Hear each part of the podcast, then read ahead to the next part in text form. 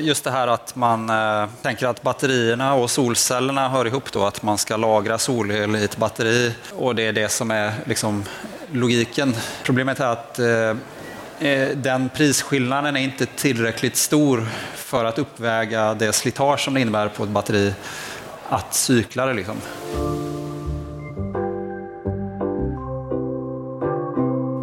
Du lyssnar på Elinstallarpodden, ett program från tidningen Elinstallatören. Jag heter Henrik Sannesson. Men dagens program görs av min kollega Sofie Båtmästar. Är batterier lönsamt? Det var rubrik för samtalet som spelades in på Elfack den 12 maj. Här kommer samtalet.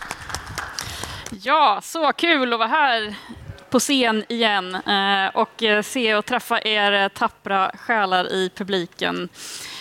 Och idag har vi ett jättespännande ämne. Som, jag tänkte bara börja med att fråga, är det några här i publiken som har batterier? Sugna på att skaffa? Ja, vi har några. Det, då, då kommer ni ju att gilla det här. För att är batterier lönsamt? Det är inte en helt eh, enkel fråga. Men det finns ett svar. Eh, och eh, den som skaffar batterier ska ju vara medveten om att de håller inte lika länge som själva solcellsanläggningen. Antalet laddcykler, de, de är inte oändliga, det är ingen evighetsmaskin. Eh, men eh, det går att räkna på om den här investeringen kan bli lönsam. Och eh, hur man ska tänka har vi med oss idag Dan-Erik Archer som är VD för Checkwatt som ju är ett energitjänstföretag och en aggregator. Och eh, min kollega Lars-Göran Hedin som eh, skriver mycket om solceller och batterier för tidningen Elinstallatören och har blivit eh, solcells och batteriexpert med hela Sverige känns det som. Jättekul att ni är med. Och medan vi pratar så får ni gärna komma på frågor att ställa sen så att ni inte är blyga för det när tillfälle ges lite senare. Så Lars-Göran, eh, mm. du har ju batterier. Varför ja. köpte du dem? Ja, jag köpte mina batterier av två anledningar egentligen. Det första var ju att jag bor mitt i skogen på en fastighet som typiskt utsätts för 45 minuter långa elavbrott 7-8 gånger om året. Och jag har datamodem och vattenpumpar och sånt som jag alltid vill ha tillgång till. Så det var det främsta. Det andra är att eftersom jag har jobbat i många år då som journalist på Elinstallatören så har jag skrivit rätt mycket om solpaneler och elteknik och batterier och det här. Och när jag då vid ett tillfälle för några år sedan hade vi i familjen sålt en lägenhet och hade en, en bra summa pengar att investera i någonting vettigt. Då blev det solpaneler och batterier. Jag ville bygga den mest optimala anläggning jag kunde få för pengar då, för i slutet av 2020. Så då investerade vi i 60 solpaneler, ett batteri på 15 kilowattimmar och eh, teknik då från Ferroamp med en sån här Energy Hub. Ja, det var därför jag gjorde det. Jag ville lära mig tekniken och förstå hur det fungerar och se vad vi kunde tjäna på det. Och det har gått väldigt bra. Även om vi köpte dyrt då på den tiden så eh, lönsamheten är fantastisk. Kul att höra, mm. men du har ju också gjort en, en eh, jättekalkyl. Eh, över, och jag har ju sett den här i, inte bara i den formen vi presenterade den eh, på vår sajt elinstallatoren.se utan mm. även i Excel form och det är ju ett gediget arbete. så, så vad kom du, du fram till? Eh, arbitrage, alltså att eh, köpa billigt och sälja dyrt, är det, är det grejen? Nej, det är det inte. Vi hade, alltså anledningen till att jag gjorde den där kalkylen det var ju att vi hade haft några artiklar i tidningen där andra hade berättat om hur otroligt mycket pengar de tjänar på det här arbitraget. Och jag ifrågasatte de summorna och tänkte jag måste gå till botten med det. Så jag, jag tog in hela 2022s prisstatistik från Nordpol på timpriserna och la in det i en jättekalkyl då, med olika alternativ för hur jag skulle kunna använda den här prisdifferensen som är. Och det jag, det jag fann då, det var ju liksom att eh, beroende på om man då har möjlighet, som någon som vi hade intervjuat hade, att utnyttja de absolut optimala tidpunkterna för att ladda och ladda i och ur. Eller om man då lite enklare kunde identifiera någon slags normaltid där man gjorde detta och ställde in det bara tidsmässigt i, batteri, i växelriktaren om hur det skulle ladda. Så beroende på det så kunde man tjäna, ja, i allra bästa fall, lite drygt 7000 kronor om året på det. Men problemet med de här personerna som vi hade intervjuat, det var ju att ingen kunde riktigt svara på hur mycket pengar de hade investerat i batteriet, för de hade inte räknat på det. De hade ingen riktig koll.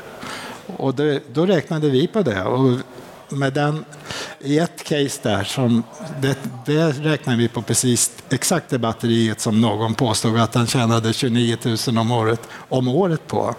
Och det var en årskostnad på 13 000 kronor. Då kommer man inte långt med 7 000. Tittar man idag så kan man kanske komma ner i ja, runt 8-9 000. Och vi har tittat på 10 kilowattimmars batteri för det, var, det är ganska normalt bland villaägare. Och då kommer man någonstans till runt 8-9 000 i investeringskostnad. Men det är fortfarande inte lönsamt mm. riktigt Nej. än.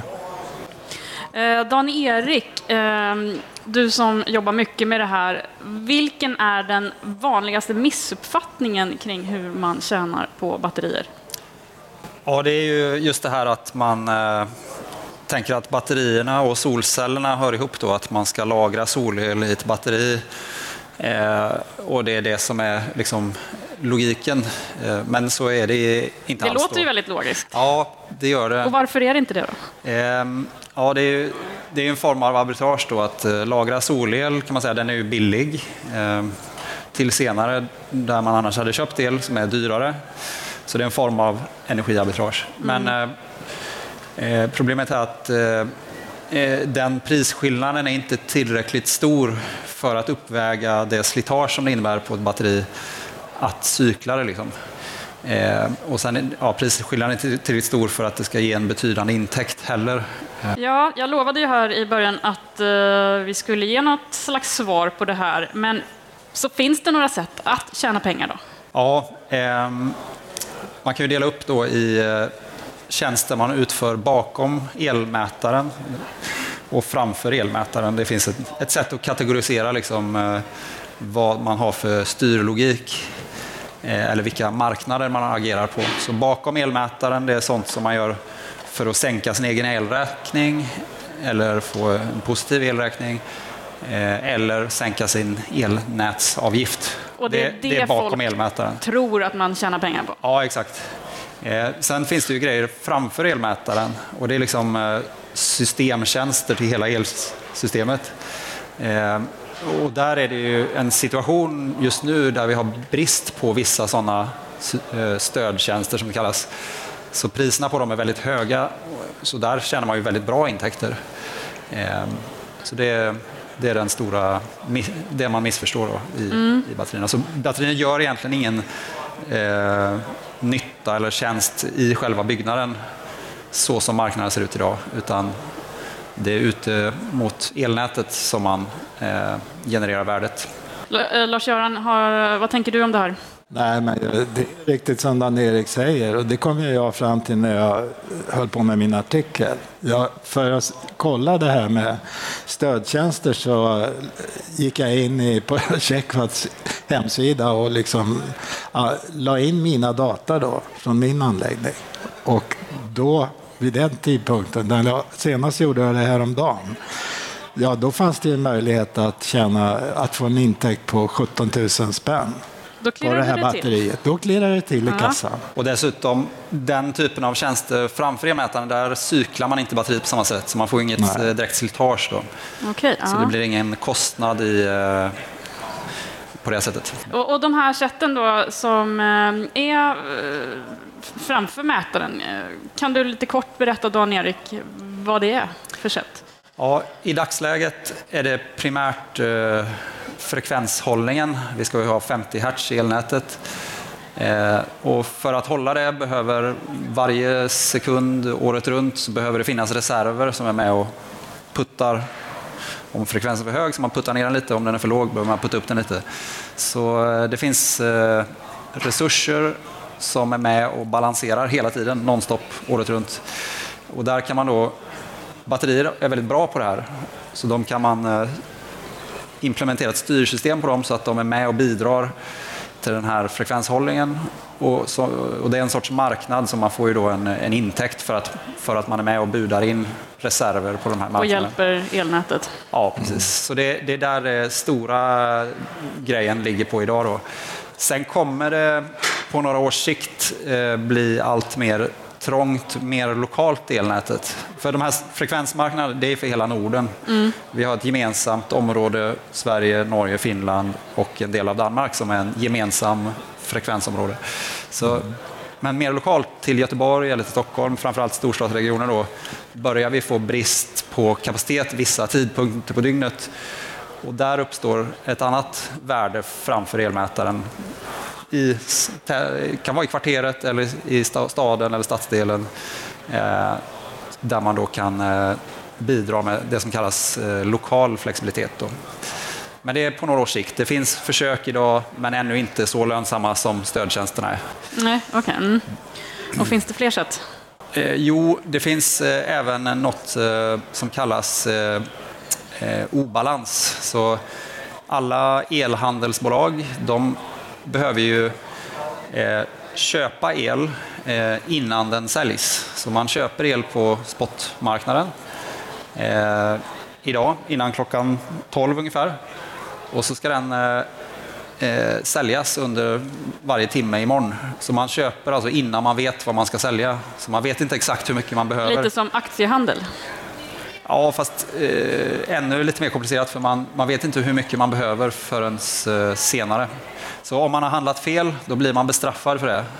Men de här flexibla resurserna kan ju då eh, minska den här obalansen mellan köp och sälj. Och det är något som batteriägarna kommer kunna eh, sälja som en tjänst till de som riskerar att få en sån bestraffning annars. Mm.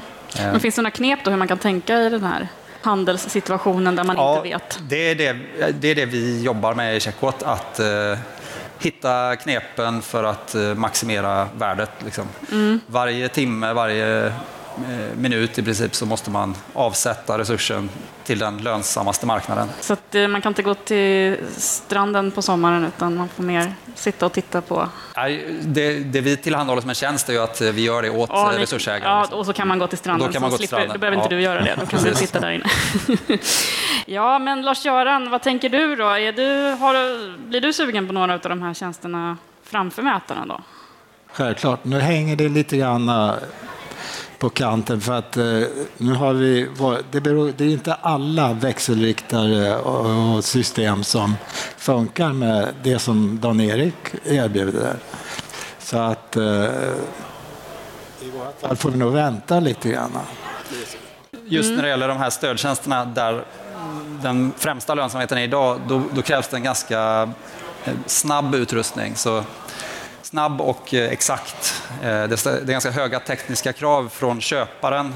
Och köparen är Svenska kraftnät, så de är en eh, statlig myndighet med, med höga krav. Och, och då måste det vara snabb och exakt styrning. Då. Så, och där jobbar vi på att onboarda fler, fler och fler fabrikat av, som finns på marknaden. Mm. Och vissa behöver ju uppdateringar för att uppfylla kraven. Liksom. Mm. Ja, men om man nu, vi hade några i publiken här som ändå kände sig sugna på att tjäna lite pengar på det här. Och hur kan de gå tillväga då eh, för att nå till de här eh, sätten som finns framför mätaren? Hur, hur går man tillväga till? Jag vet ju inte riktigt vad ni har för förutsättningar, men kan vem som helst göra det här eh, utan de här gedigna kunskaperna som båda ni två sitter på? Ja, det krävs ju ganska omfattande styrsystem och avtal med olika med Svenska kraftnät och med andra aktörer. Så det är inget man gör själv direkt, men eh, det är ju det som är aggregatorrollen, då, den här eh, nya rollen på elmarknaden som formellt sett ännu inte finns i ellagen, eh, men kommer finnas snart. Eh, men mm. vi gör ju det här redan ändå, men snart så är även den formaliserad i, i liksom ellagen. Mm. Så det behövs ju den typen av leverantör för att lägga ut tjänst, resurser på tjänster framför elmätaren.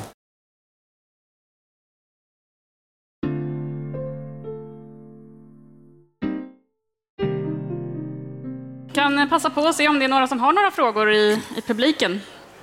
Där har vi en fråga. Eh, Daniel Magnusson från PLS Energy Systems. Eh, elkonstruktör som gör 20 fots container utav begagnade elbilsbatterier.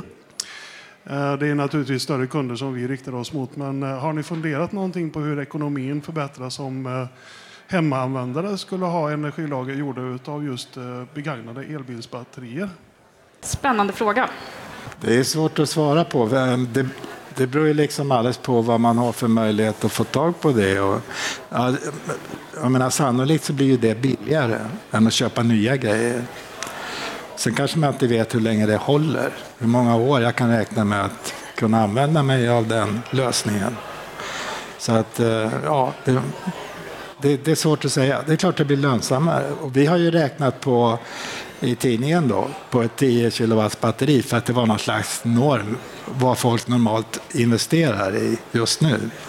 Men ju större batteri du har så blir ju kostnaden per kilowattimme så att säga som du investerar blir ju lägre. Så det finns ju också kanske en bättre kalkyl. Och när det gäller arbitrage kan man ju säga då att eh, det här med att kunna optimera det det har jag sett på mässan nu. Det, det, är så många företag som har lösningar på gång där de håller på att förhandla med Nordpol för att få tillgång till deras data. Så att du som privatabonnent så att säga, ska kunna med ett batterilager och en bra växelriktare ska kunna ta hem de där tidpunkterna och styra på det. Så att det, där är också en utveckling. Det, vi är inte riktigt där ännu, men det är kanske ett halvår framåt. Vi, vi tillhandahåller eh, data från Nordpol i vårt system och, ja. och styr på det, men det, det är ganska få som vi gör det för, för att det är inte så lönsamt. Nej. Det är sådana enheter som av någon anledning av någon anledning ännu inte är förkvalificerade för stödtjänster, då kör vi det mm. ja, ja. fram tills dess. Då. Men, uh... Men uh, miljömedvetenheten ökar ju. Uh, kan det ändå finnas ett hot från begagnade batterier som det är väl en möjlighet, tänker jag. Ja, jag tänker på, jag tyckte det var en jätterolig fråga för att eh, jag har precis intervjuat eh, Göte Axelsson eh, någonstans nere i Småland tror jag han bor. Han har roterande solceller eh, och är en eh, man som gillar att eh, trixa lite med sånt där. Så han har byggt de här roterade solcellerna själv med hjälp av en elektriker. Och han har en telemast i närheten som, eh, där de hela tiden byter ut de här batterierna, så de är ju inte slut. Så att eh, Göte är inte dum. Han eh, springer och köper de här batterierna för en ganska billig peng. Eh, och det där tyckte jag lät bra när, när jag intervjuade honom. Men sen kröp det ju fram också då att ja, de behöver ju fyllas på med destillerat vatten och det var ganska mycket. Så det var ju ett ganska fysiskt arbete också. Så vet jag inte riktigt vilka batterier du tänkte på där, om de kanske är, om det är mindre underhåll på dem. Jag tänker på lithiumjonbatterier. Ja. Mm. Ja, mm. så det, nej men det är ju roligt eh, att, att, tänka på alla andra lösningar som också finns. De här är väldigt tekniska och väldigt propra, men det är kul att det finns många innovatörer där ute som tänker lite lite andra hållet. Ehm, jag tänkte på det här med investeringskostnaden också, för eh, det är ju inte bara batterierna man behöver ha, utan det är väl lite andra grejer också som krävs för att hela systemet ska funka när man, in, när man kopplar in batterier.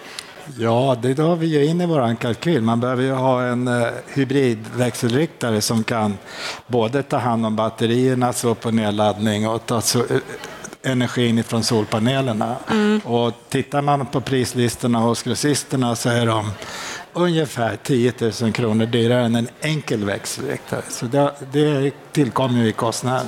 Mm. Uh, nu är det ju så om man köper växelriktare och batterier på samma gång då, är man, då har man rätt till den här 50-procentiga statsbidraget även för växelriktaren. Som det är nu. Så att det, det förbättrar ju ekonomin lite grann. Mm. Vad tänker du där? Mm. Ja, det är väl att tänka på också om man vill ha den här reservkraftsfunktionen eller ödriftskapacitet. Mm. Eh, då behöver man uppfylla ytterligare lite krav att eh, man automatiskt frånskiljer anläggningen från elnätet om, i händelse av strömavbrott. Och det är en liten extra pryl för det. Och, eh, ett eh, lokalt jordtag behöver man för att man kan inte lita på att jord fungerar från elnätet när det är strömavbrott, så man behöver egen jordning. Mm. Så det är väl lite tillkommande, men det är ju en trygghet att ha, speciellt om man bor på landet kanske, att, eh, att ha den möjligheten. Och det är inte en enorm tillkommande kostnad, men det är lite extra då. Mm. Eh, om, ja, där har vi en fråga. Gud vad bra, härligt. Jag har en fråga angående batterikostnaden. Eh, ni pratade om cykel någon kostnad för eh, en cykel, för en laddcykel för batterier? Kan ni utveckla? Ja, jag kan ta det. Vi, i, I vårt eh, styrsystem liksom så är det en eh, faktor i algoritmen som styr. Eh, vad är internkostnaden för att cykla? Så jag tror att vi har eh, en krona och 30 öre per eh, cykel per kilowattimme. Eh, och det där, jag har sett vetenskapliga studier där man räknar på över två kronor. Men i vissa glömmer ju bort att räkna in det överhuvudtaget. Så det får ganska stort genomslag då. Ehm, men ett sätt att se det är ju vad kostar systemet delat på eh, garantins antal cykler så får man ett hum om var det ligger ungefär. Mm. Några fler frågor? Eh, då tänkte jag vi kunde ägna den här sista minuten nu åt att svara på den här frågan. Dan-Erik, du får börja. Är batteri lönsamt? Eh, ja, som det ser ut i dagsläget så är det enormt lönsamt. Det är nästan för, alltså det är en överhettad marknad. Det finns en risk för överetablering. Eh, I stora lager, sådana här containerbaserade system, där kontaktas vi och vi, vi implementerar sådana styrsystem också. Och det det är många, både svenska och utländska investerare som, eh, som trycker in väldigt mycket pengar i, i sådana investeringar. För återbetalningstiden just nu är på eh, ett och ett halvt år, ibland under ett år. Mm. Så det är många, många finansiärer som tittar på det. Liksom. Men svaret är ändå ja? Ja, absolut. Lars-Göran? Är batteri lönsamt? Ja, det, det är ju då man gör som, eh, som Dan-Erik säger. Men om man tror att man kan liksom tjäna pengar på batteriet bara genom att öka andelen egen solel som man utnyttjar eller genom arbitrageaffärer, så då, då lurar man sig själv som det ser ut just nu. Ni kan ju läsa alla eh, Lars-Görans artiklar om batterier på elinstallatoren.se. Sök på hans namn eller batterier så kommer de allra flesta upp. Där kan ni ta del av den här eh, ambitiösa kalkylen också. Nu får vi runda av här. Stort tack till eh, er Dan-Erik och Lars-Göran för att ni var med här på scen och stort tack till er i publiken för alla bra frågor. Och jag tackar för mig själv, för det här var sista gången jag stod på scen för den här mässan. Du har hört Dan-Erik Archer, VD för Checkbot, Lars-Göran Hedin, journalist på Elinstallatören. Samtalet leddes av Sofie Båtmästare, också hon på Elinstallatören. Jag som producerar och klipper Elinstallarpodden heter Henrik Sannesson. Vill du sponsra programmet, ta gärna kontakt med Ann-Marie Eriksson som kan berätta mer. Du når henne på annons.elinstallatoren.se. Följ oss gärna i din poddtjänst så missar du inga nya avsnitt. Hej då!